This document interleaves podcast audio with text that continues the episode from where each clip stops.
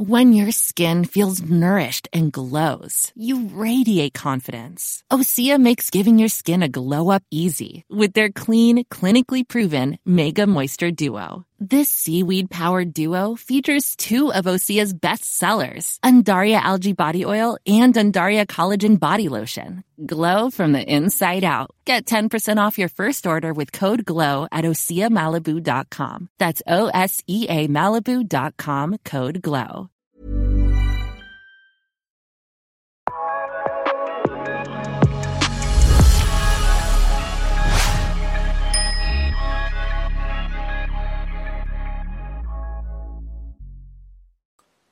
Hej och välkomna till avsnitt nummer 11 i den här innebandypodden. Eh, eh, många undrar ju om det här är en nostalgipodd eller om det är en utvecklingspodd eller om det är inspirationspodd. Men det är en eh, blandning här och jag vet att det finns många som älskar när jag pratar med sådana som var med förr och får älta lite gamla saker. Så därför tänkte jag att det var dags att prata med Peter Fischerström. Tjenare! Tjena! Tjena! Hur är livet idag? Ja, det är bra. Det är... Livet leker höll jag på att säga. Ja. Slutet på sommaren. Ja. Jag, jag var ju med i innebandymagasinet i en in- intervju här i början av sommaren. Så att eh, Just det. jag tänkte att marknaden skulle vara mättad men vi kämpar vidare. Ja, vi gör det.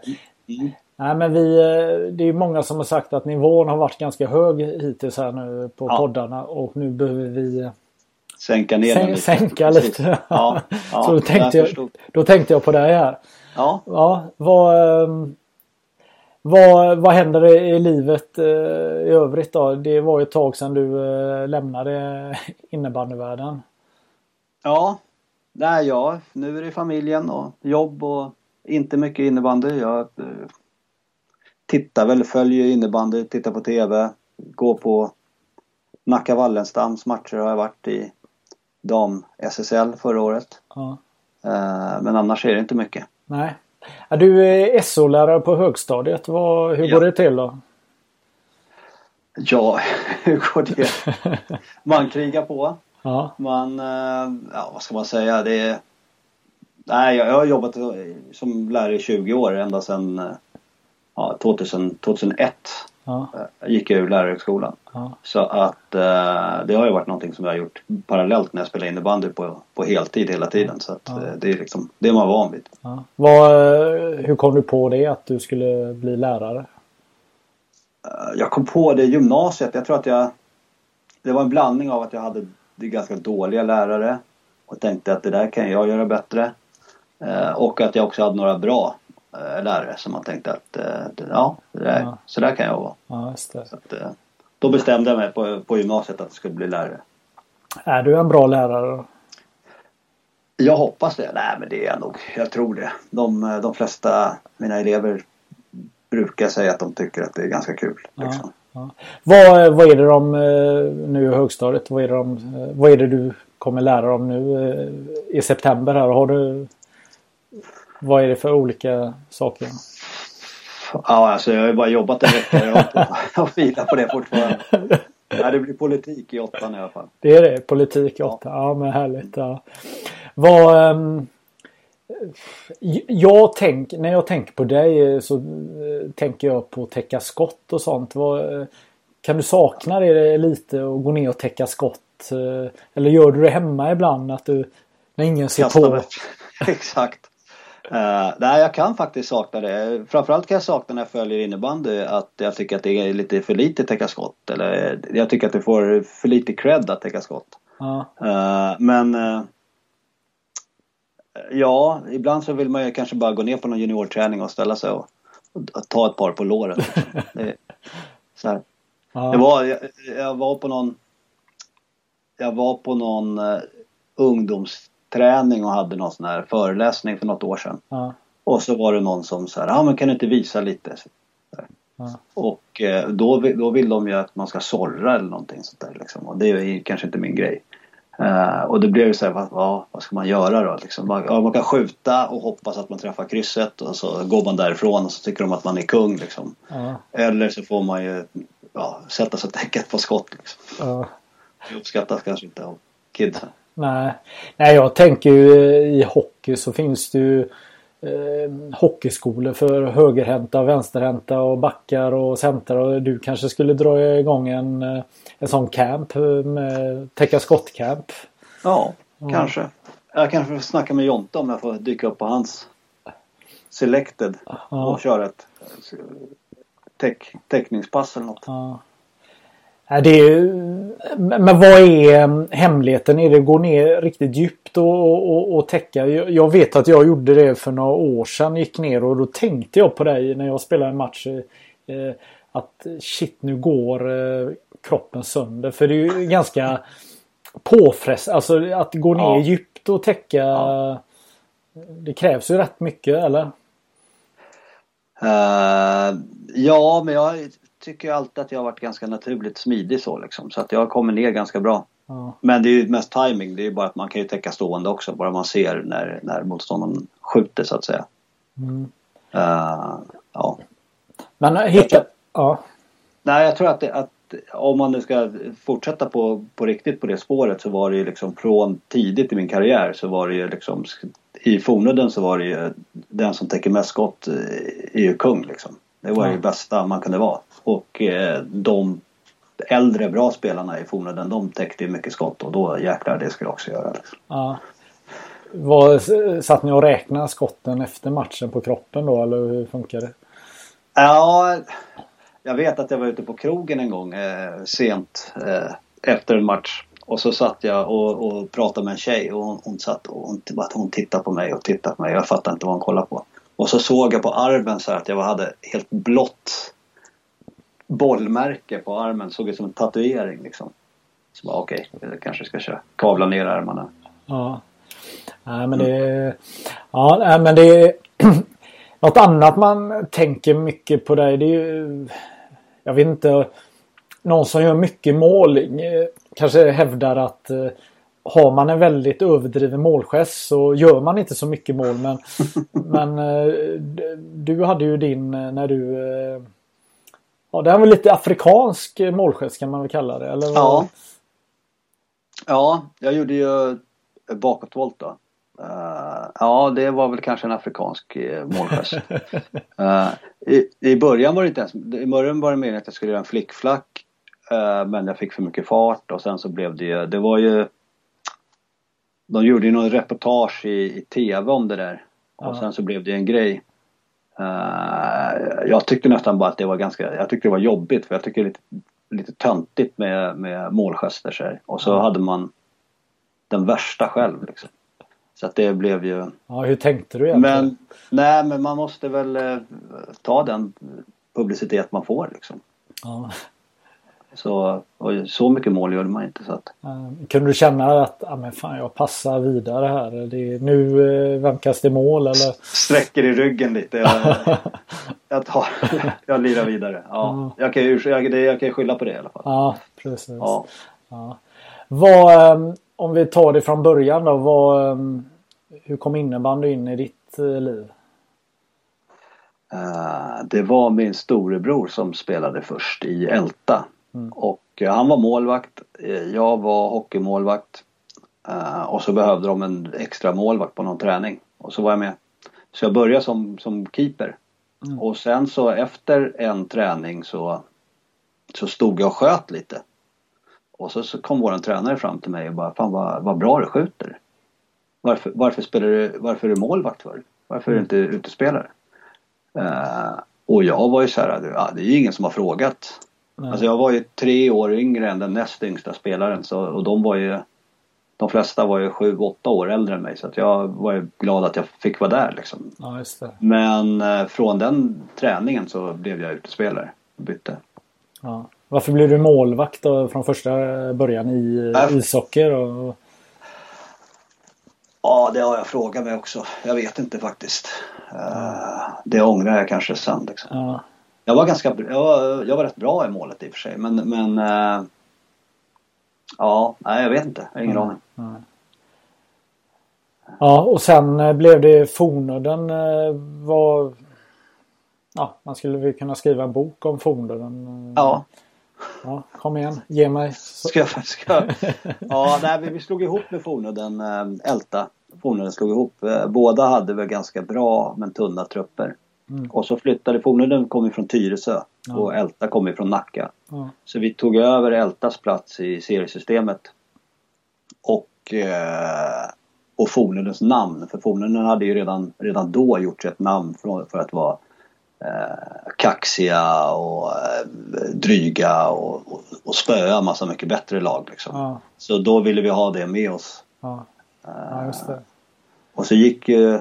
Hur, hur, var det, hur var det att, eh, att då eh, helt växla om och bli kaxig, stöddig och sånt? Hur, hur, hur tog omgivningen emot det när du... eh, För det var väl... Alltså jag behövde ju inte vara det. det vi, hade ju, vi hade ju matte och ja, Skattman och eh, Stefan Mörk och Rogge och Ja, Thomas Fogelberg och de skötte det där så bra utan mig liksom. jag gjorde- Eh, jag, kunde, jag kunde smyga lite i, smyga med bara. okej. Men ja, det var ju mycket Egentligen var det ganska mycket attityd liksom. Att det, skulle, det var ju mest eh, skådespeleri var det ju liksom. Ja, vad var det de ville få ut? Eh, nej men att de att motståndarna skulle vara rädda från början liksom. Och, och, eh, det var ju någon form av attityd att så här. vi vet att vi är bäst och ingen kan slå oss liksom. Även om vi eh, under un, alltså inte favoriter så kände, vi kände oss ju alltid som favoriter liksom. Ja, Eh, och, och det där har jag tänkt på att eh, så var det ju liksom mycket när jag spelade med bra lag i min karriär att, att man vad är det som gör att ni vinner matcherna till slut? Ja, att man vet från början att vi kommer vinna matcherna till slut. Det finns liksom något annat funderar man inte ens på liksom. nej. Och Fornudden hade ju det ja, från första början liksom. Och sen så gjorde ju Fornudden allting för att vinna matchen också. Det var ju liksom eh, ja, ta mätning, kräva att motståndarna ska byta strumpor. Allt för att störa dem liksom på så här töntiga sätt men som ändå, Ja. eh, som Om- ändå Ja, funkar. Dra ut lamporna i omklädningsrum och... Ja, jag vet faktiskt inte om det där gjordes. eh, eh, Men det skulle kunna ha gjorts. För att jag, jag har hört att det hände flera gånger nämligen. Så att det, Okej. det är inte helt omöjligt. Nej. Nej. Nej men det är ju fornöden är ju det är mycket myter och, och sådär men något jag tänker nu när jag pratar med en back då och tänker på fornöden framförallt eh, för, första tiden eh, var ju det att ja, det var ju lite ett annorlunda upplägg på eh, speltid och så. Alla hade ju inte lika mycket speltid som vissa andra eller? Nej, nej, nej Matte lirade nonstop. Ja, Och skötte alla uppspel. Eh, Så det var ju... Och jag fick ju spela bredvid honom då varannat byte. Ja. Eh, Och det var ju... Jag kommer ihåg att vi spelade Stjärnkuppen någon gång så här, för, eller eftersäsongsturnering nere i Karlstad. ja, Och så var det ju typ att jag tog tre uppspel i rad eller någonting. Fick en jävla utskällning för att fan måste ju släppa bollen liksom. ja. Då var jag så här, men jag, jag har stått bredvid dig i tre år utan att få bollen. Liksom. ja. Men, Men eh. Ja, men körde ni Körde ni tre backar eller körde eller hur, Ja, vi hur- körde tre. Vi, vi, han körde nonstop på vänsterbacken och så Ja. rullade vi två stycken på, Ja. ja, ja. på högersidan. ja. Men eh, var det var, hur mottogs det då att, att han skulle spela? Det, det var bara att acceptera eller vad? Ja men han var ju bäst. Ja, det var ju liksom, vad ska man, alltså han var ju bäst, eh, våran bästa spelare och han orkade spela och det var ju, det var ju ingen som frågasatte det. Nej. kan man inte göra. nej. Eh, Och vi var ju så här att eh, de bästa spelare, det är ju, vi måste ju vinna. Liksom. Mm. Sen så blev det ju när vi efter, vad kan det ha varit, 96? 96 när Agge kom, Mats Ågren. Mm. Så hade vi ju liksom ganska bra, flera backar liksom och då, då körde vi på två backpar istället. Ja, Så Matte körde nog nonstop 93, 94, 95 tror jag. Ja, Sen så var det överkörd. Ja. Hur bra tycker du att han var som back om man jämför med de andra backarna i Sverige på den tiden? Då tycker jag att han var bäst. Mm. Ja, jag vet inte. Ja, det var han. Ekis var ju bra i mm. MB och Claes Karlsson var ju bra i Sjöstad. Ja. Spelade han väl då. Ja. Uh, men jag tycker nog att Matte var, var, ja. var bäst. Ja, han var väl bra tränad också. En gammal orienteringsgubbe här. Det var väl också någonting som var mycket myter kring att ni inte tränade så mycket eller? Ja, det var det. Och det är ju lustigt för att i början så var ju alla gamla orienterare, det var ju, startades ju av gamla orienterare och då var det ju eh, deras paroll var ju att de sprang sönder alla lag och var mm. bäst tränade av alla lag. Ja. Och sen så helt plötsligt så, så, så byttes ju det mot att vi inte tränade alls. Och det stämmer ju inte för det gjorde vi Men, men det, då tog ju vi Det där utnyttjade ju vi för att liksom tänka att vi ska, vi ska knäcka motståndarna liksom. Mm. Så jag vet att vi, vi mötte Pixbo någon gång i Eriksdalshallen och vann Alltså vann med 7-8 bollar eller något sånt, alltså ganska stort. Och då hade vi Stefan Mörk som, som kutade och hämtade ett paket cigaretter och delade ut cigaretter till allihopa. Ut, ut, ut! Ställ och rök, ställ och rök! Så att vi skulle stå, när de gick ut i bussen så skulle vi stå liksom och röka utanför bara för att visa att liksom, ja, ja. vi, vi bryr oss inte men vi krossar er ändå. Liksom. Ja, Sen, och de, vad jag har förstått, de tänkte så var det jävla idioter liksom som hela laget står och röker. Det var ju, vi rökte ju inte liksom men det, det såg ut så. Ja. Gud vad kul. Um, ska vi se, Fornarna var ju inte med första året när, när det blev uh, riksserie då, SM-serien. Så man var väl nykomlingar till andra året har jag för mig. Eller om det var till och med tredje året. Uh, nu minns ja. jag inte. Men, men ni var ju underdogs som skulle vinna guld. Det var ju uttalat i fornöden. Ja. Vi gick ju igenom serien vann fyran, vann trean, vann tvåan, vann ettan och så gick vi upp. Ja. Uh, och skulle vinna SM-guld första året. Mm. Uh, men uh, åkte vi i kvarten, det var ju åttondelsfinaler då. Så ja. vi åkte i kvarten mot Karlskrona och Balrog vann det året. Just det. Och så vann vi året två istället. Ja. Hur var, alltså fram till det året så hade ju inget Stockholmslag vunnit. Jag menar det var ju Eh, lite finnar från Mariestad som hade ja. tagit ett par pokaler med sig hem. Så att, så att det var ju mycket som hände i innebandy-Sverige under den här perioden. Att Stockholm på något sätt tog över eh, ja, tronen ja. då. Hur var det att se då Balrog då gå och bli först och, och, och vinna? Det måste varit frustrerande. Ja. Ja, egentligen inte. Alltså jag kommer ihåg att jag var där och tittade på den matchen och, och, jag tyckte att det var ganska inspirerande ändå faktiskt. Men, eh, men vi tyckte ju fortfarande att vi var bättre än Balrog. Mm. Uh, och jag vet att uh, jag tror att de gick om oss i serien i sista omgången. Vi mötte dem. De kvitterade i slutsekunderna så, så vann de våran serie. Och, där vi kände att eh, vi tycker, alltså många snackar så här, ja Balrog på 90-talet så jag, min, jag tycker att Fornudden var mycket bättre än Balrog. Liksom. Fast ja. de tog väl fler titlar och de tog ju den första. Ja. Eh, men, men från vårat perspektiv så var ju, så var ju, så var ju de ganska töntiga liksom. men, det var, men alltså jag har inget problem att glädjas med, med deras framgångar. Så, liksom. uh, så. Men det var ju något som hände där med Balrog den våren. Uh, då efter ni åker ut. Alltså, helt plötsligt så lämnar ni, eller all, alla klubbar när det blir de här sista slutspelsmatcherna. Man, man lämnar sina gympahallar och så spelar man i Eriksdal, ja. Eriksdalshallen då. Var det det du menar inspirerande att, ja. att vi tar lite nästa steg med innebandyn eller vad? Exakt. Mm. Exakt och jag kommer ihåg när vi mötte Balrog. Det var nog året efter då i, eh, i derby i Eriksdalshallen. Och det var 900 stycken tror jag. Mm. Och det kändes ju helt overkligt att det var liksom det, det, det är sår och tryck och det kändes liksom så här. Det här är ju fantastiskt. Tänk om det skulle vara så här hela tiden. Liksom. Mm. Uh, jämfört med 218 i Nacka sporthall. Ja. Eh, men eh, nu för tiden, sen när man på slutet spelar i AIK liksom, då, 900, då blev man ju besviken. Liksom. Ja. Så det har ju ändrats. Men hur var det då när ni eh, gick hela vägen? Ska vi se, var det väl Lockerud ni slog i, i finalen där. eh, Ja. Eh, deras sista dans som eh, topplag där kan man säga då. Eh, Det måste varit en härlig känsla att, eh, att vinna då. Ja, men då är man ju, då är man 20 år. Då tror man att man ska vinna varje år liksom. Eh, Men det var, det var ganska tufft. Vi undrar om det var Sundsvall eller Örnsköldsvik. Örnsköldsvik mötte vi tror jag i kvarten.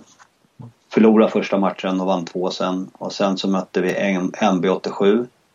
Förlorade första matchen, vann två raka hemma. Uh, match två i sadden, de har ett stolpskott uh, i, i sadden och då hade vi varit ute liksom. Och sen så mot Lockerud var det ju sadden första matchen också. Sen andra vann vi med uddamålet tror jag. Men, men uh, alltså det kändes ju helt overkligt. Men det är så nära att man, alltså det, i efterhand så tänker, kommer man bara ihåg att vi, att vi vann mot eh, Lockerud. Men vi hade ju kunnat åka i, i semi redan. Ja. Precis. Ja. Men då, då var det ju så, det var så mycket krafter på en gång som kom från Stockholm. Alltså jag menar konkurrensen i Stockholm var ju galen på den här tiden. Eh, Jag menar eh, och tredje året så vinner Kista he- helt plötsligt eh, när både Fornudden och Balrog vill vinna igen då precis som Ja. du är inne på. Eh, Det är bara att rulla på och så fanns ju Haninge i, i bakgrunden också och säkert ett par klubbar till. Så, så, så det var väl väldigt kul att vara innebandyspelare på 90-talet i Stockholm. Ja. Ja, det var det. Det var ju en... Vad ska man säga? Det var ju en konkurrens mellan, mellan klubbarna såklart. Men samtidigt så Kista var i en annan del av Stockholm och de hade man inte så bra koll på. De kom ju också nerifrån och, och slog hårt liksom.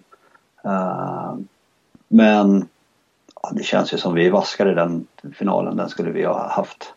Ja, Men det var ju härligt. Det var ju tre, tre finaler i, i Eriksdalshallen eh, fullsatt. Just det. Eh, och, och vi bodde ju på Grand Hotel på den där tiden innan matcherna.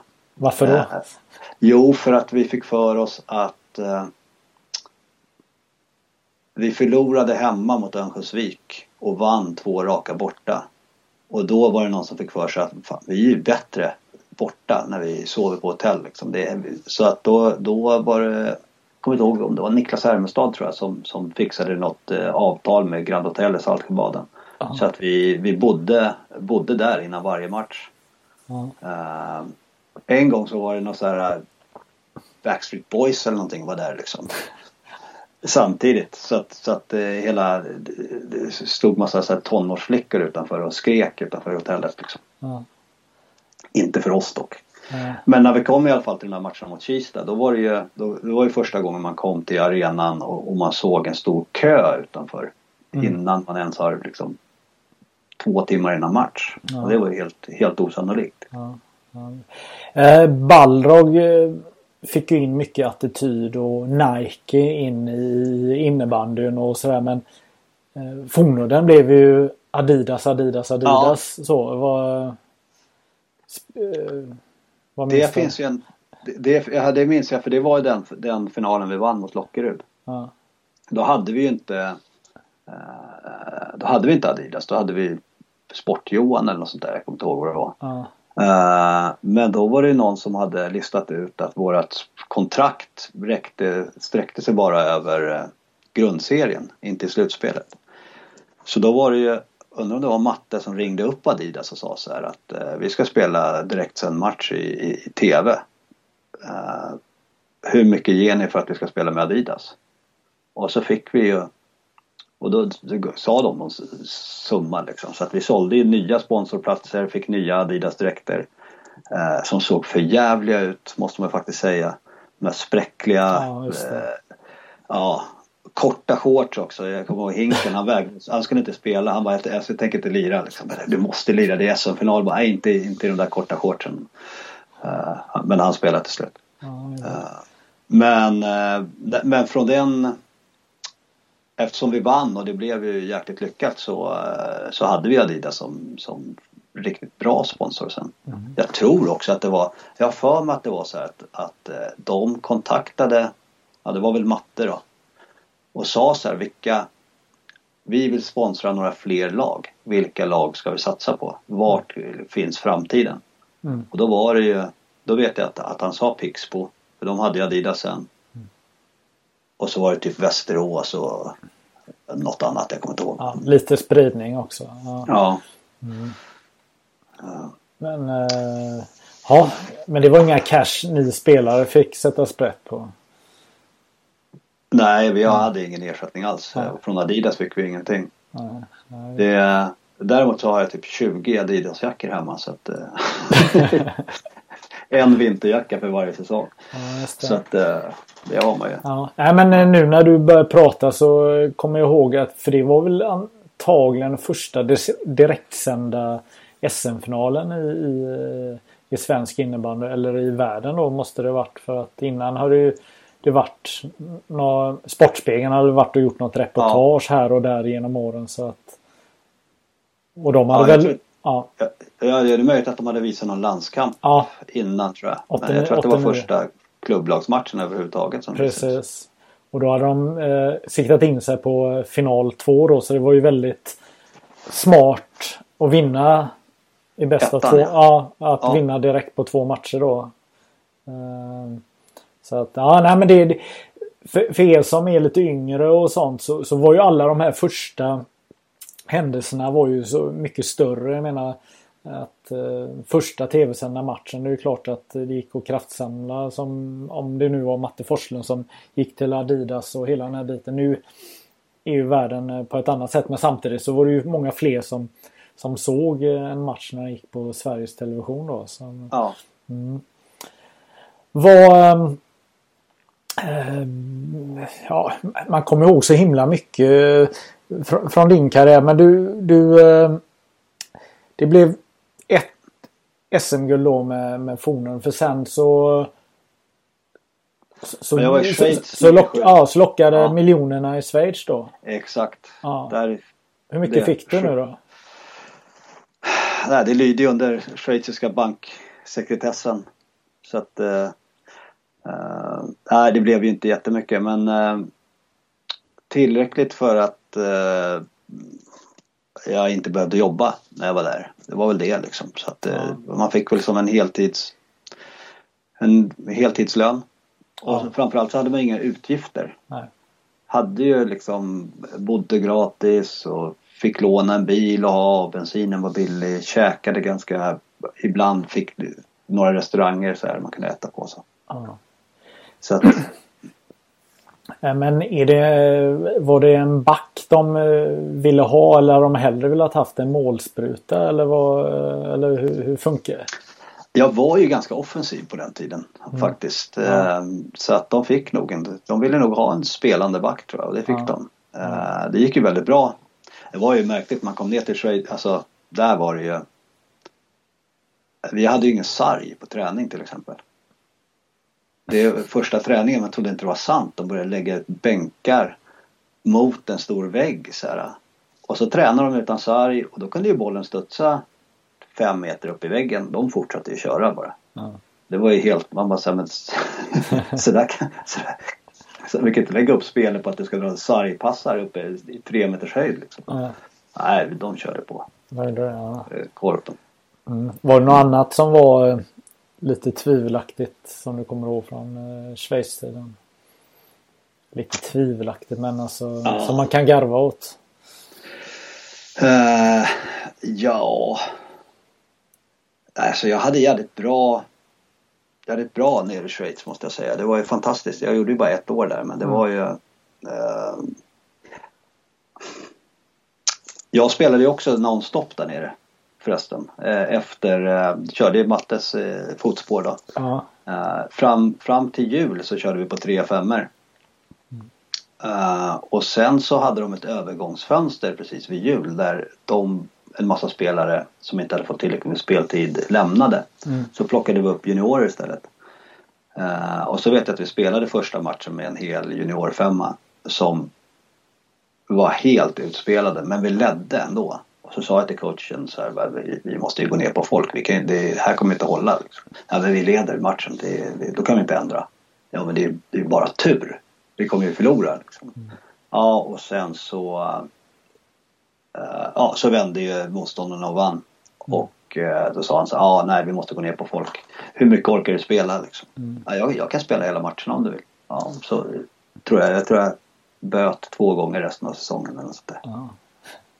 Ja men det är snyggt. Men du körde inte med någon golfhandske eller? Ja, ja nej. Nej det var ju Mattes grej. Pannband och golfhandske och, och bladfodral på klubban. Mm, ja.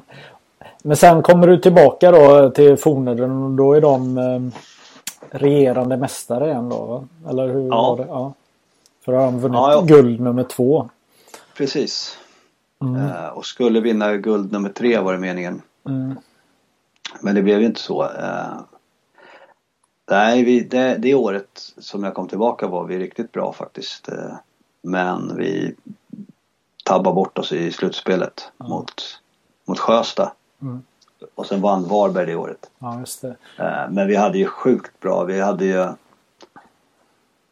Vi hade ju ja, till exempel både Länvåg och eh, Andreas. Vi hade två landslagsmålvakter. Liksom. Mm. Så träningarna var ju riktigt, riktigt hög klass. Ja, liksom. Det var i krig varenda träning. Mm. Helt plötsligt så kom eh, västkusten in lite då. Varberg hade ju kanske mycket flyt och sådär. Men Pixbo hade ju byggt någonting och blev en utmanare så att det var ju ganska bred topp eh, på något sätt ja. eh, då. Eller? Ja, det var det. Jag hade ju riktigt dålig koll på västkusten för vi hade ju aldrig mött dem. Men de första åren så mötte vi, ja det var Karlstadlagen, mm. Örebro, K5 Örebro var ju riktigt bra. Ja. Uh, men Pixbo och Varberg de hade ingen koll på. Utan de, det var ju det året när Fornudden vann. När jag var borta så mötte de ju både Varberg och Pixbo i, i kvart och semi. Uh, och, uh, och sen så ja, så klev ju de fram och möttes i finalen och sen så var ju Pixbo var ju riktigt, riktigt bra i, mm. i flera år. Ja, det. Uh, men, det, men det var lite så här så att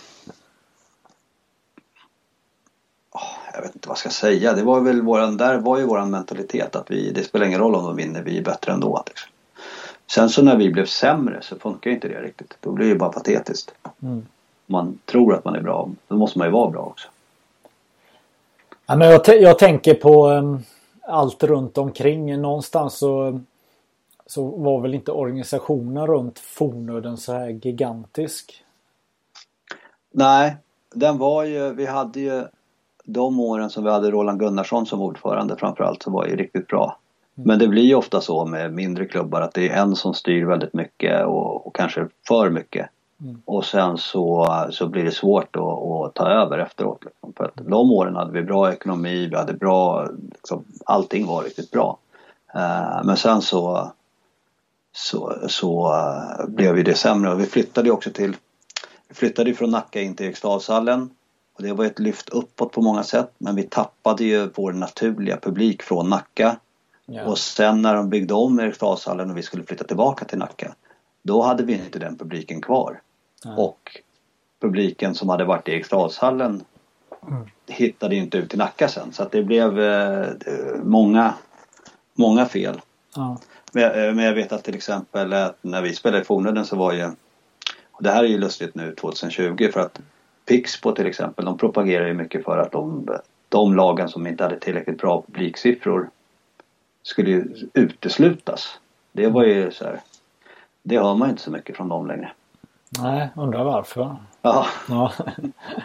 Nej men det är precis men, men någonstans så eh, det du pratar om så om, om vi pratar Varberg, jag menar de hade ju allt det där med publiken och hela och så hade inte ni det längre den, den magin runt det på något sätt? eh, Och, ehm, för varje säsong som gick så ja, men nu i facit i hand, hur, hur, hur ser du på de här sista åren eh, med Fornudden innan det tog slut? Ja. Då var det ju mest att vi, det var ju kämpa för säsong för säsong för vi blev ju ganska åderlåtna liksom på spelare också. Det, ja. det var ju eh, Andreas gick och Lernvåg gick och eh, Gunnarsson gick och Lorendal lämnade. Och, och så var det några som slutade också. Agge slutade och, och sådär. Så att eh, vi blev ju egentligen ja, inte tillräckligt bra helt enkelt. Ja. Uh, samtidigt som uh, vi hade ju svårt att konkurrera. Vi hade dålig publik och ekonomin gick sämre. Och, ja. uh, vi var ju riktigt nära att fusionera med Djurgården däremot den säsongen, sista ja. säsongen. Ja. Då var det, skulle det. Ja, men jag menar sista säsongen som Fornöden existerar så går man ju ändå till slutspel va? Var det inte så att ni kom? Jo, vi... Ja. Åtta ja. va? Mm. Ja, vi missade ju aldrig slutspel så det var ju stort de säsongerna. Mm. Och det, då, vi skulle ju inte gå till slutspel då. Det var Järfälla gjorde bort sig i sista omgången men så ja, plötsligt, plötsligt så var vi där ja. igen. Men så mötte vi Haninge, det ja. funkar inte. Nej men Eh, med facit i hand så var Fornö en sån klubb som inte hade kunnat hantera sportsliga eh, missöden eh, egentligen. Så att det som hände var kanske rätt, eller? Ja, det var det väl. Det, alltså, organisationen till slut fanns inte riktigt. Även om den var på gång och vi hade ganska bra ungdomsverksamhet och så vidare. Men, eh, men det blev lite konstigt också där med Fornudden som låg i Nacka. Fast alla som bor i Nacka vet att Fornudden ligger inte där. Det ligger ju i grannkommunen Tyresö. Så ja. det, det, blev liksom mycket svårt med sponsorer och sådana saker. Liksom. Ja. Uh, så att det var väl bara en, en tidsfråga tyvärr innan det inte skulle funka längre. Nej just det. Och helt plötsligt så blev ni eh, Haninge Les Lilas eller Haninge Udden eller vad ni... Fast det var ju, blev ju Haninge IBK kan ja. man väl säga. Var, två år körde ni det racet. Ja. Det, det var ju... Det var väl rätt många som var på väg att lämna där men eh, till slut så Jag tror att Haninge de tappade i sin första första femman som hade tagit tre guld till dem. Jonte och Johannes och Micke Östlund. Mm. Ja. Uh, och de behövde nya spelare. De behövde spelare och vi behövde liksom en organisation och en ekonomi i stort sett. Så att, mm. Uh, det blev ändå, jag tycker att första året där var rätt bra. Då vann, vi vann ju Europacupen och Just det. Uh, sådär. Ja. Men sen så Sen så höll inte det. Nej. Tyvärr. Nej just det.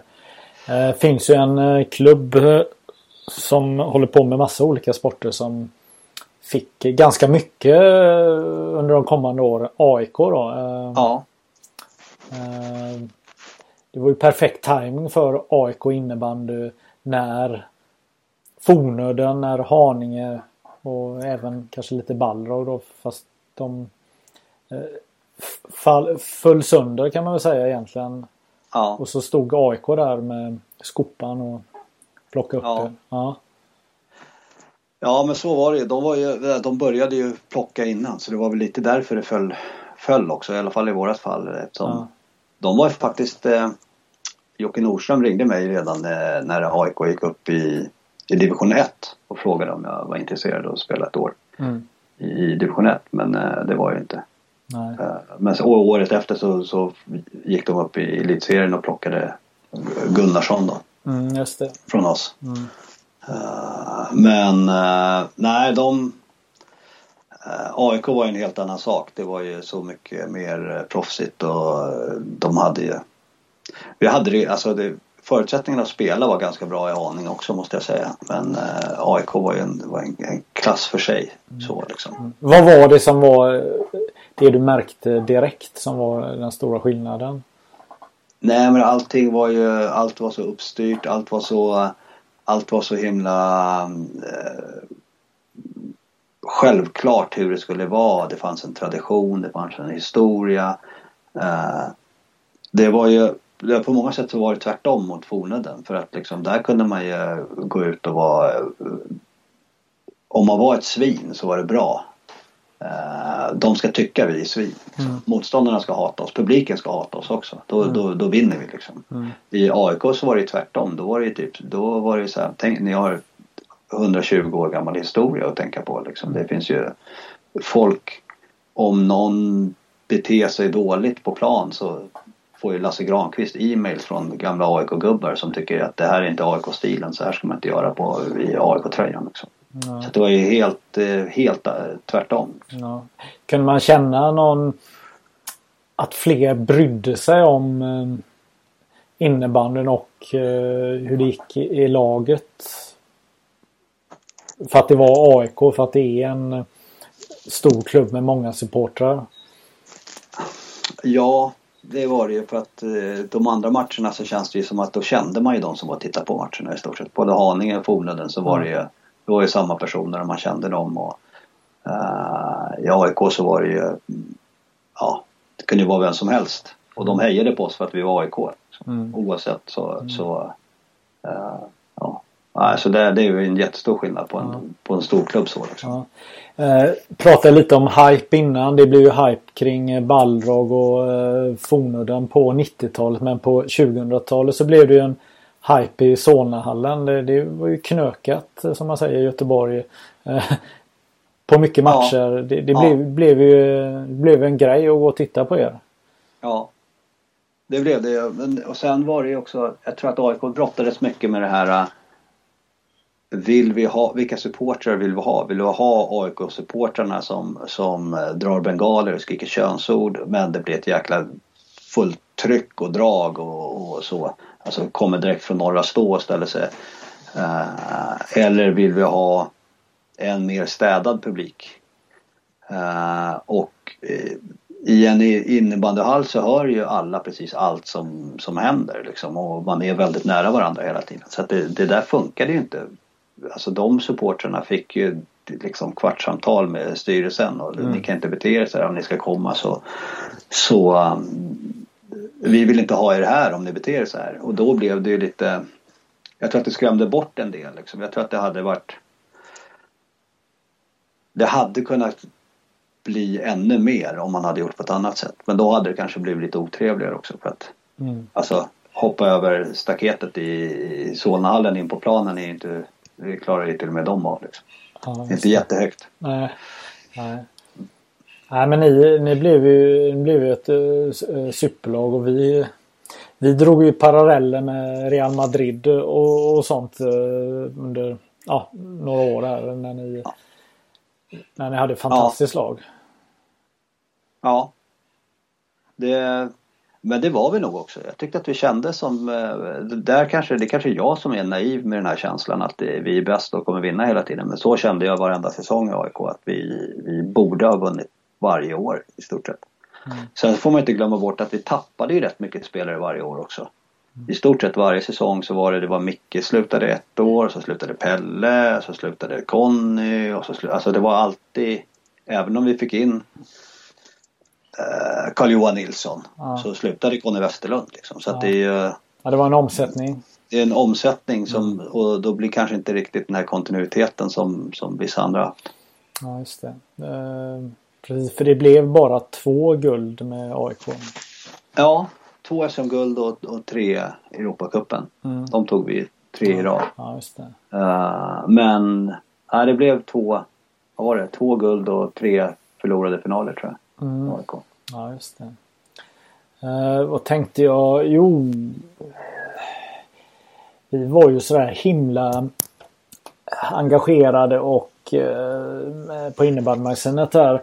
Så kommer jag ihåg eh, när du skulle väl spela match nummer 100 i, i, i, landslaget där och, och så tänk, tänkte vi där, eh, jag och Martin på redaktionen, men hur hur ska vi uppmärksamma det här och, Ja. och, och, och få till det? Ja, men, ja, men en tårta blir bra. Det blir snyggt Anna. Det, det, kan, man, det kan vi fixa och, och, och sådär med, med bild på dig och hundra landskamper Ja. och sådär. Och, så ringer man runt. Jag menar, vi var inga tårtexperter då. Så, så man, man ringde till någon då.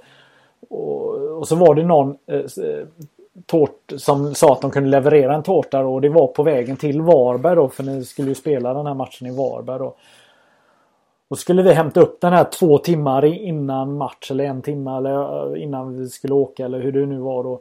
Och då har de gjort helt fel. Då hade de, de, de hade inte tagit bilden på dig eh, och, och som vi hade gjort layoutet utan det var en autograf på våran AD och en fotbollslogga för vi gjorde även en fotbollsfilm. Det var... Jaha. Och så hade vi bara, ja men vi, vad är det här? Vi, vi har en tårta till Peter Fischerström och så här.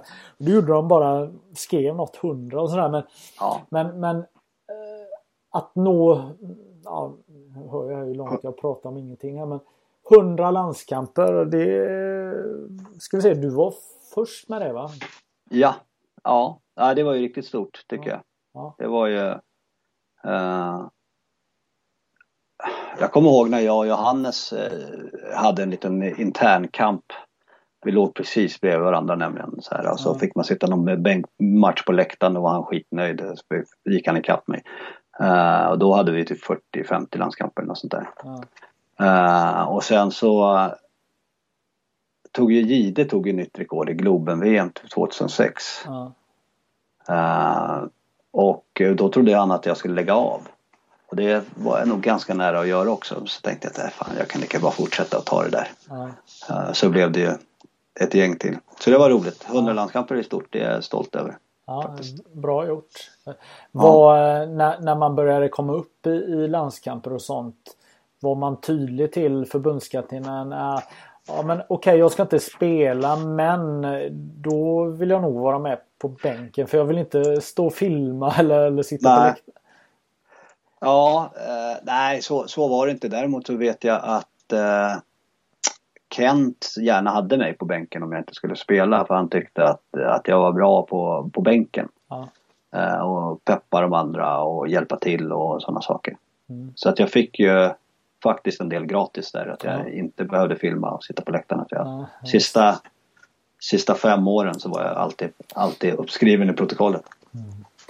Ja, precis för du, eh, ska vi se, du gjorde ditt första VM eh, eh, 2000. Jag blir så, börjar nästan skratta när jag tänker på det men, men jag tror det var VM 98 när man ser någon som inte ska starta matchen eller ja, inte ens sitta på bänken få rollen att filma eh, Ja. matchen. Ja, du kanske har hört eh, eh, folk snacka om det men, men det, ja. Eh, Men eh, ska vi se, du, du gjorde första VMet i eh, Norge då måste det varit va? Mm. Ja. Ja, det var ju det var ju intressant eh, VM på, på så sätt att det, för mig så var det ju första VMet. Mm. Men det var ju också Alltså det dog, Norge gick inte till slutspel. Just det. Och vi mötte ju dem i gruppen och jag tror att vi slog ut dem i gruppen sista gruppspelsmatchen. Ja. Och då, då dog ju det VMet Ja. kändes som. Det var ju så hela den här, först var vi ju i, om vi var i Drammen eller någonting Ja, tror jag. Och sen så när vi skulle flytta till Oslo, men då var ju turneringen, då hade ju den dött. ja, Eh, så det, det var ju lite märkligt på det sättet. Men det Ja. var ju det var ju mitt första så det var ju grymt kul liksom. mm. ja. Eh, ja då ska vi se, vad är du är 74 va? Eller vad är det? ja, Ja, så då var du ju ändå 26. eh, ja. Hade du velat vara med tidigare? Eller borde du varit med tidigare? Ja, ja. Det borde, ja, jag, var, jag var reserv till båda VM innan. Aj. Eh, och jag var reserv till EM 95 också. Så att jag, var, jag spelade ju första landskamperna 94. Och Ja, sen så var det ett hopp till att eh, efter VM 98 då. Ja. Så sen dess var jag med hela tiden. Eh, nej men jag tyckte nog att jag borde ha spelat båda de turneringarna. Kanske inte 96 men 98, definitivt 98. Mm. Men, det Men, var, eh, men det var de gamla som eh, skulle ha sitt först eller? Ja jag vet inte, jag pratade aldrig med, det var Kigge som var förbundskapten, han sa aldrig någonting till mig. Nej. Så jag vet inte.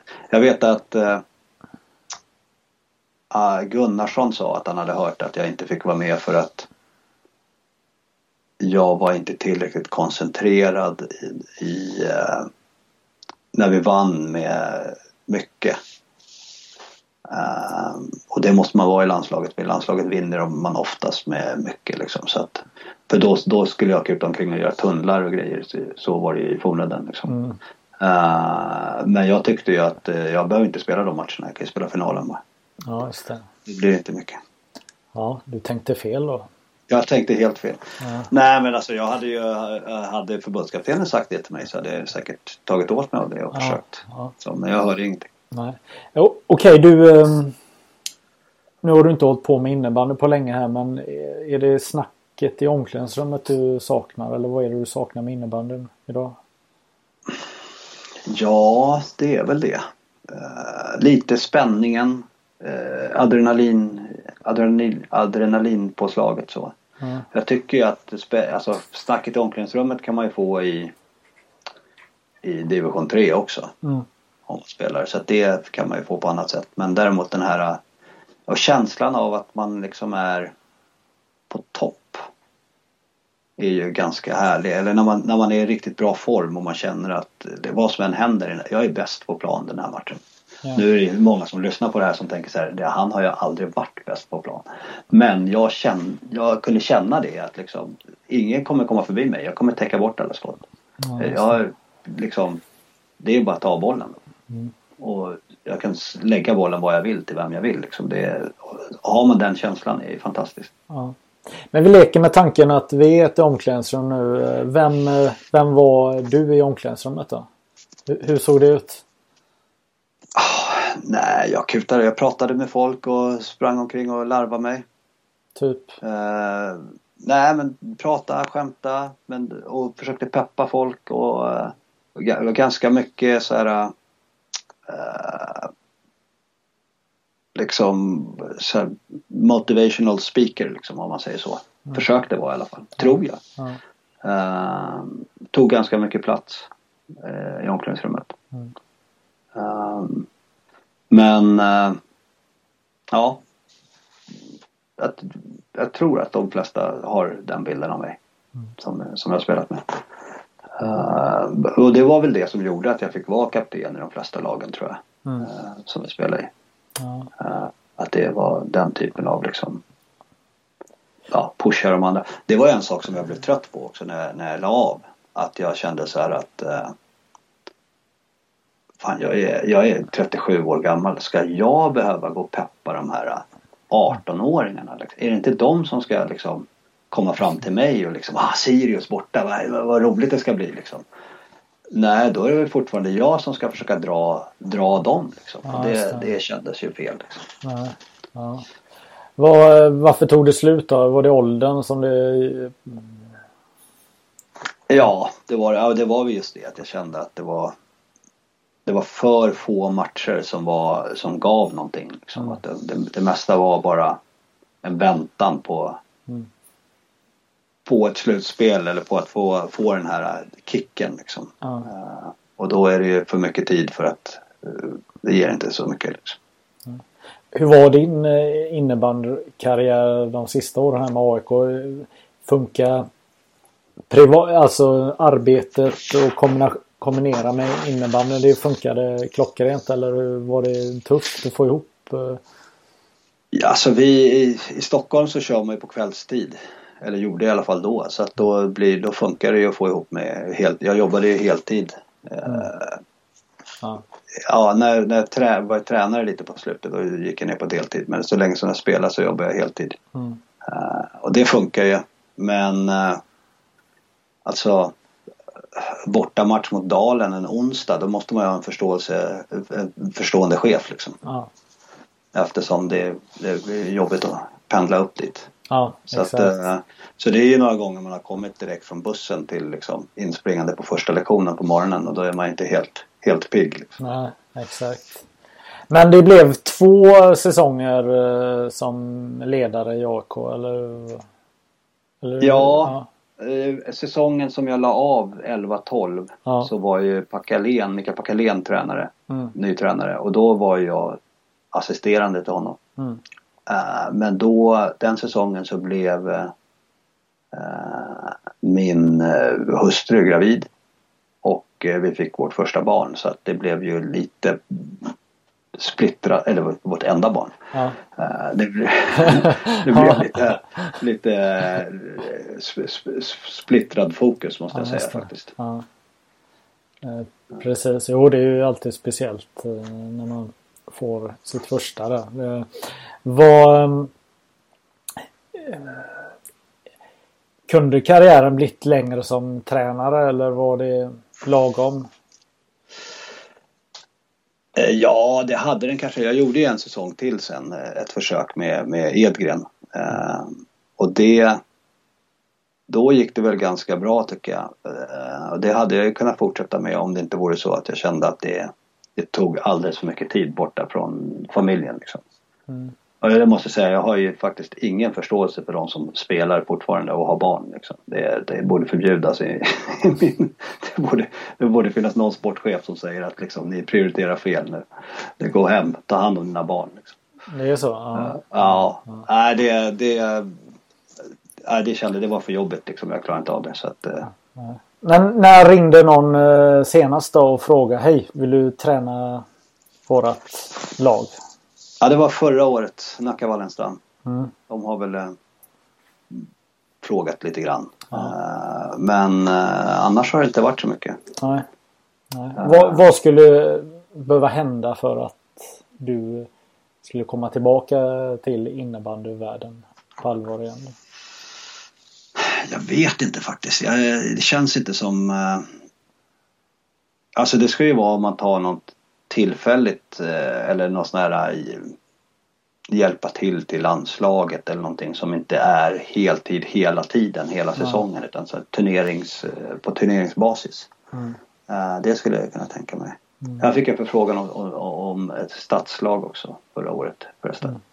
Ja, men, men, men det känns lite så här som att jag, alltså jag, jag skulle inte ha tackat ja. Men jag kan ibland bli förbannad att ingen frågar. Liksom. så men, eh, men eh, nej, det känns inte så aktuellt. Nej. Inte än. Kanske när, när Savannah blir äldre så kanske. Ja, just det. Kanske blir. Vad ehm, kan du... Okej, okay, AIK är ju ditt lag nu. Eh, eller ditt före detta lag som du har spelat i. Så där kan du ju faktiskt gå till Solnahallen och, och kräva att bli VIP-behandlad eller? Nej. Ja, jag kan ju kräva det men det kommer inte... Senast jag var där så försökte jag, då var jag uppskriven på någon lista. Det var ingen som visste vem jag var. Det, liksom, de kände inte igen. Det var bara att betala och gå in. Ja, det, är så. det, hade blivit något, det hade blivit något problem. Men och nu känner jag ju ingen som håller på där i stort sett. Nej. Uh, där väl, när man väl kommer in då känner man ju massa folk som är på ja. matcherna och så men ja. de som står i kassan har inte alltid koll. Nej, precis. vad, um, vi vet alla hur kartan eh, ser ut med, med Stockholmslag i, i högsta serien idag. Jag menar när, när, du spelade under många år så var ju halva serien var ju från Stockholm. Ni hade ju knappt några bortamatcher. Men, eh, så att, eh, men hur känner du för situationen som är nu att, att Stockholm är en vit fläck på kartan? Ja. Ja det är sjukt tråkigt men jag tror, jag tror inte att det gör, jag tycker inte att det gör så himla mycket egentligen. Eh, jag tror att det är lite... Det är så svårt i Stockholm. Det är så, alltså... Eh, jag lyssnade på din i, i, podd med Gide till exempel. Han berättade att de nästan hade en personlig relation med, med journalisterna i Göteborg. I, i Stockholm då är, då är det ju Dagens Nyheter det ska liksom. Det finns ju ingen innebandyspelare som har en personlig relation med journalisterna på Dagens Nyheter liksom, eller Svenska Dagbladet eller, och inte knappast eh, Expressen och Aftonbladet heller. Liksom. Så att det är ju väldigt, väldigt svårt i, i Stockholm att, att inte försvinna i ja, det där alla det har pratats om tusen gånger. Liksom. Mm. Men, uh, men jag tycker, det är klart att jag vill se AIK i högsta serien. Jag tycker att de, de borde kunna uh, komma upp på fötter igen. Nu har det verkar jag har, har, klarat av den här ekonomiska biten så att uh, uh, men, är, mm. men är det uh, AIK som är laget som borde fungera från Stockholm i högsta serien eller vad, vad tänker du? Som, som varumärke som... Ja, ja, ja det borde ju vara det. Mm. Jag tycker alltså egentligen så skulle väl Djurgården kunna göra det också men de verkar, jag tycker inte, jag tycker inte att det känns som de går åt rätt håll liksom. Uh, och om man tittar på de andra föreningarna så blir, då blir det ju som Haninge, Balrog, Bonaden, Kista. Uh, alltså om Tullinge går upp eller Täby kan i och för sig mm. kan säkert ha klarat sig bättre kan jag mm. tänka mig. Mm. Uh. Märkte du någonting eh, genom åren eh, när du spelade AIK att det var kunde vara mer känslor inblandad från motståndare eh, eller motståndarsupportrar just att, att ni hade det här klubbmärket och eh, representerade AIK då som står för mycket i idrottssverige. Ja. ja men så var det nog. Alltså eh, för det första så var det spelare som aldrig, aldrig, aldrig skulle spela i AIK bara för att det var AIK. Mm. Eh, och som, som har hatat AIK hela sitt liv. Mm. Bara för att det var AIK. Hur man nu kan hata någonting bara för, bara för det liksom. Men, men eh, för att det där sitter ju, alltså det finns ju ingen som hatar Falun liksom. Nej. De är helt ofarliga liksom. Det är ingen som har växt upp och hatat dem på det sättet som man hatar AIK eller Djurgården eller IFK Göteborg eller, ja. eller någonting. Så det, ja. så det, det blir ju en, eh, det kunde man känna av. Och sen så var vi ju alltid ett topplag när jag var där. Mm. Och då, då blev det ju att man kunde känna att, att motståndarna gick in med liksom som man gör mot topplag. Det här är ju en eh, jäkligt viktig match. Det var inga som ställde sin andra målvakt mot oss liksom, utan det var ju full spätta rakt in. Liksom. Mm. Uh, där, där finns det ju lag som ligger precis Alltså jag kan tänka mig att Falun och Storvreta är i samma situation nu. Att så fort de möter ett lag så kommer det laget, det är ju deras härligaste match på hela säsongen. Mm. Uh, men uh, Kalmarsund, de möter ju inte ett lag. där kan de ju lufta tredje femman för att de måste spela mot ett bra lag och då vinner ju Kalmarsund. Liksom. Mm. Ja, så det, det är lite ja, Jag vet inte om det svarar på frågan men, mm. men, äh, men Frågan var ju om, om man kunde känna att, att, att det här hatet mot AIK fanns och det kunde jag absolut känna. Liksom. Jag vet ju en, en, en, spelare i AIK som spelade med en Djurgårdströja under eh, matchstället. För han mm. inte vill ha AIK mot, mot kroppen. Det var, blev inte så jättepopulärt när det kom fram till, till vissa supportrar. nej, nej, men det, jo, jag, jag vet en, en landslagsspelare som var djurgårdare och som har blivit AIK. Jag vet inte om det är samma person. Eh, men ehm, ja, mm, det, får vi... det, är det, nog, det, är, det är det nog inte tror jag. Det är inte det, nej. nej, nej precis. Nej, inte, han jag tänker på spelar aldrig i landslaget. Nej, nej men det är nej. bra. Men då, då är det ju flera som har gått den, uh, gjort den resan. Men hur, hur var det? Du har ju spelat uh, bakom flera sådana här starka föreningsmänniskor då som Roland Gus, äh, Gus Gunnarsson och äh, Kenta Sjögren och inte minst då Lasse Granqvist. Då. Vad, hur tänker du kring det? Ja, det är ju härliga, härliga människor. Eh, alla tre. Mm. Roland är väl den som är mer, eh, han var ju mer en uh, styrelsemänniska mer än att han var nere och peta i vad vi höll på med. Uh, uh, och Kenta var ju, han var ju allting. Ja, jag, jag, Jonte gick ju igenom Kenta, Kenta Sjögren. uh, så han var ju härlig på sitt sätt liksom och brann för det och för, ville ju alltid Mm. Uh, alltid göra, göra det bästa för, för Haninge. Liksom. Men hur, uh, du, du var ju lite på fiendesida. Hur, hur, hur såg du när du var på samma båt om man säger så? Hur förändrades, bild, ja, hur förändrades bilden? Ja. Nej men han var, tyckte han var jävla idiot. När man inte liksom när man bara såg han, hörde han på läktaren skrika. Liksom. Uh, men sen så, ja, det räcker ju med att prata en gång i telefon så förstår man ju att det är en helt annan mm. människa bakom. Liksom. Ja.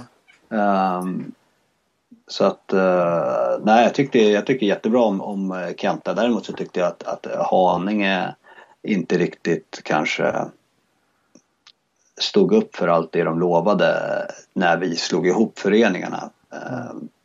Vad var det, det, som de lovade? Nej, allting skulle ju ske. Det, skulle, det var ett tvåårsprojekt från början. Uh, och eh, det kändes väl som att, att det var ju mer fokus på Haninge än på Fornudden liksom. Och eh, efter, efter bara ett år så tog de in eh, eh, Stefan Forsman som jag tycker om jättemycket också som tränare. Men han fick ju, direkt, eller han fick ju fria tyglar och, och göra vad han ville. Uh, och då klippte ju han massa spelare som hade blivit, som liksom hade gått med på det här tvåårsprojektet liksom. Så att det blev ju Det blev ju egentligen bara ett år. Så år två var ju något helt annat liksom. Och, mm. uh, ja, Örjan och Conny lämnade till exempel till uh, eh, AIK och, och Storvreta liksom. Mm. Ja. Hur minns du Lasse då och det arbetet han gjorde i, i kulisserna med AIK innebandy? Ja, hur minns jag Lasse? Så, jag vet inte vad jag ska säga. Det är, han, han, han var ju inte jätteglad när vi hade förlorat kan jag säga. Han kom in och, och ja, sparkade upp dörren till omklädningsrummet och, och, och liksom ville typ bara få sin, sin ilska ut på någon i stort sett. Uh, och samtidigt så jag kände ju så här att uh, han var ju alltid i omklädningsrummet. Han får vara där jämt liksom. Men, mm. men vi är ju lika sura som du nu. Jag, jag behöver inte få en utskällning efter att jag har förlorat. Liksom. Jag är 35 år gammal och är förbannad själv. Liksom. Jag behöver inte bli skälld på som ett barn. Liksom. Mm. Så att han, han försökte väl lugna ner sig men det liksom känslorna tog, tog över liksom. Men mm. annars var han ju där, han var tittade på träningarna, han var där och liksom hjälpte till och ja, underbar helt enkelt. Mm. Ja men det måste kännas att, att när någon lägger så mycket engagemang och brinner att, att det blir ännu viktigare att ja. leverera och ja. Mm. Ja, och när man ser när man vinner hur glada de som har jobbat bakom kulisserna blir. Liksom. Det, det ger ju mer än, än att man blir glad själv nästan. Mm. Att se liksom, vilken, eh, att de får utdelning. Liksom. Ja. Så att det, nej, Lasse är vi bor ju ganska nära varandra så att jag, jag stött på honom ibland. Han är fantastisk. Ja, härligt. Mm. Ja, hur är det annars med dig? Eh, i livet i stort? Ja, alltså ja, nu känns det ju, nu är det bra men eh, jag, jag opererades mig för, för cancer för ett år sedan. En, eh, jag hade en 5,8 kilo tumör i magen som de eh, hittade i juni 2019. Uh, så då var det ju en, en sommar med dödsångest höll jag på att säga. Oj! Uh, så att, vilken chock det måste ha varit.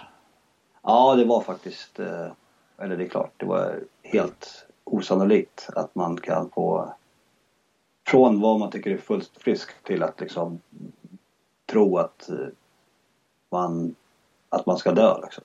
Ja. Uh, så att, nej, jag, juli förra året så opererade jag mig och nu så, jag ska röntga mig nästa vecka igen men annars så, de tror att jag tror inte att det kommer komma tillbaka i alla fall. Den, den här typen av, av det var en elakartad tumör men den, den sorten brukar inte komma tillbaka. Hur uh, tung sa du att den var? Den var 5,8 kilo. Oh. Det är ju det är mycket. Ja, det, jag tyckte den satt i magen så jag, jag tänkte så här nej, du måste börja röra på mig, börja bli tjock. Mm. Uh, men uh, så jag började försöka hålla igång lite, träna men det, funkade inte riktigt. Mm. Så att, uh, och sen så tänkte jag att magen var helt utspänd och hård hela tiden. Så då, ja, efter många om och men så, så blev den röntgad i alla fall och då, då var den ju ja, som en amerikansk fotboll i storlek ungefär. Okej. Okay. Vad kan du känna varför kollar jag inte upp det här tidigare eller hur? Eller var du envis och tänkte att?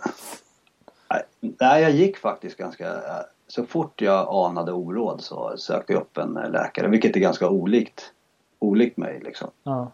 Uh, men uh, uh, Alltså jag tänkte att jag, jag, jag måste sluta dricka mjölk och dricka kaffe och äta vitt bröd och såna grejer. Ja. Jag tänkte liksom, det kan, jag kanske har blivit glutenintolerant eller någonting. Men, Ja.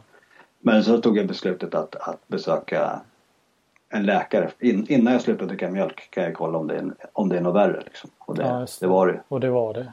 Ja. Ja. Hur, hur eh, Vad händer när man får en sån eh, sånt besked?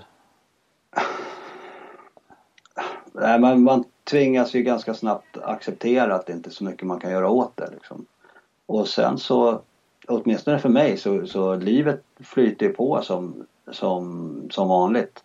Men det, jag fick ju de här äh, dödsångestattackerna liksom. Eh, I fem minuter, lite då och då liksom. Som när man bara bryter ihop och, och blir helt knäckt. Ja. Eh, för det var nämligen, det tog en månad från att de röntgade till att jag fick reda på vad det var för någonting. Och när jag väl fick reda på vad det var för någonting då fick jag operationstid ganska fort och så då gick det ganska snabbt. Liksom. Men den, den månaden förra sommaren när man inte vet om eh, liksom Mm. Ja, är det elakartat, är det godartat, kommer det bli operation, kommer det bli cellgifter eller vad blir det för någonting? liksom. Så att, nej, det, det var hemskt. Ja, usch. Vad, ehm, är det någonting i karriären som du kommer ihåg extra mycket sådär som sticker ut eh, för dig personligen? Vad är det bästa? Alltså det var ju, jag blev ju årets spelare 2005. Tror jag det var. Det var ju stort. Ja. Eh, då Varför då? för att jag var bäst då. Jag tyckte nog att jag skulle haft året innan men eh, det fick jag inte. Men eh, ja, jag vet inte, det var liksom vad ska man säga? Det, det var väl det antar jag. Eh, men jag hade ju en, alltså Jo men du har ju tyckt du varit bäst under många år så att det var skönt att någon annan tyckte det också. Eller? Ja, exakt. ja, men jag vet inte om jag tyckte att jag, att jag själv var bäst hela tiden. Ja. Men jag tyckte att vi var bäst i alla fall. Men... äh, äh, nej, jag vet inte. Det, det, det var väl brist på, brist på alternativ kanske. Okej. Som, jag, som jag fick till det. Äh, nej, men det var ju stort. Och sen så är det ju såklart att det var kul att vara Schweiz ett år tycker jag. Det, var- det var en fantastisk upplevelse. Äh, vinna, vinna gulden, SM-gulden. Uh, var ju... Ja. Bara, bara representera landslaget. Jag fick ju vara lagkapten några matcher i landslaget också. Det känns ju härligt att eh, ha bockat av på listan liksom. Ja, just det. Eh, det är väldigt, väldigt ärofullt. Eh, men egentligen så är det inga... Alltså det är svårt. Det är, det är så många. Jag spelar ju 20 år liksom. Ja. I högsta nivån i stort sett. Så att det blir ju... svårt att sätta något över något annat. Ja. Är det någon spelare som du hade velat spela med i ditt klubblag eh, under något år och sånt som hade varit kul och eh, sett vad ni hade kunnat åstadkomma tillsammans? Eh, ja, det hade väl varit kul att spela med... Det hade varit kul att prova att spela med Mika såklart. Konen. Som ändå har liksom haft en fantastisk karriär liksom. Eh, annars så känns det som att svenskarna har man ju spelat med allihopa i stort sett i, i, i landslaget så. Eh, Men, är, men är det någon svensk som ja, men han hade varit kul att haft med i, i laget. Då hade vi ju... Ja, jag hade kunnat tänka mig att plocka över Helgård till Fornudden där ett par år kanske. Eh, Det hade ju nog varit ganska bra. Mm. Sen så var jag väldigt, jag kom bra överens med, med Johannes Gustafsson tycker jag. Vi, hade, vi var Ja. bra vänner i landslaget så. Mm. Men jag vet inte om vi synkade så jävla bra på plan om jag ska vara Nej, nej. Men har du någon som du har synkat så här härligt gött med på plan som kanske inte är så här supernaturligt för alla att känna till? Eller? För ibland är det ju så att, att det är svårt att sätta finger på det. Ibland synkar man jäkligt bra med Ja. Som man kanske inte eh, tror. Om man ska ta, jag tycker Robban Linder i Haninge, backen. Ja. synkar jag jävligt bra med. Vi kompletterar varandra bra. Mm. Jag tycker att um, jag spelade med en backkollega som heter Daniel Rödlin i mm. Fornöden som var U19-spelare som la av tidigt. Mm. Han hade jag gärna spelat några säsonger till med. Mm. Uh, och sen så ja, jag, jag och Conny har ju haft jävligt mycket ihop. Ja. När vi har skrikit på varandra liksom. Uh, vi är ju barndomskompisar också så att vi är ja, Conny Westerlund. Ja. ja. Han är uh, ungefär lika gamla också. Men vad, ja. vad brukar ni skrika på? Vill ni båda ta mycket plats eller vad, vad är det som... Nej men han, han Conny var ju, satte ju jätte, jättehöga krav på sina medspelare. Liksom. Så att det var ju ganska många som var rädda för honom, som spelade med honom. Ja. Äh, men jag var inte rädd för honom så att jag liksom kunde ju säga till honom. Ja. Och då lackade jag han ur liksom. Och så stod vi typ och Jag vet att det var någon gång vi stod och, och skulle passa varandra. Vi stod och sköt slagskott till varandra. Och ja. bara stod och han visste inte om han skulle applådera för att vi kunde ta emot passarna hela tiden eller om han skulle be oss skärpa oss liksom. Vi var en sån powerplay-träning. Uh, och Conny var ju också typ den, min enda medspelare som kallade mig Peter hela tiden. I alla fall när han blev förbannad. Peter! Alltså, ja, ja. Det, är, ja, det är grymt. Fick precis meddelande från Matte Forslund här men uh, ja. Mm. Ja. Uh, ja. Eh, helt märkligt. Sitter jag och pratar med dig och så skrev han till mig. Ja, det kan ha varit för att jag har frågat annan sak kanske. Men, ja, vad, mm, jag känner att eh, vi skulle säkert kunna prata några timmar till här men jag känner att vi, ja. vi, vi har fått ihop eh, ett avsnitt ganska bra här. Eh, eh och så. Eh, mm. Så vi kanske ska tacka för kaffet här nu och runda av. Eller vad, har du någonting att tillägga? Ja, det är svårt. Vi har, vad ska man tillägga? En eh, säsong en säsong till eller på att säga. Nej men det Vi har väl gjort det mesta va? Ja jag tycker det. Vi har fått eh, ja. gått igenom. Vi har väl inte gått igenom alla dina felpass och sådana här saker men eh, nej, det, nej, kanske, det kanske inte det, var så många. Det var jag tror att jag har slagit flest indianare i... Jag tror att jag... När, när, när jag la min karriär så hade jag flest landskamper och flest SSL-matcher. Jag är ganska säker på att jag har flest täckta skott. Och jag är ganska säker på att jag har flest indianare också. Ja.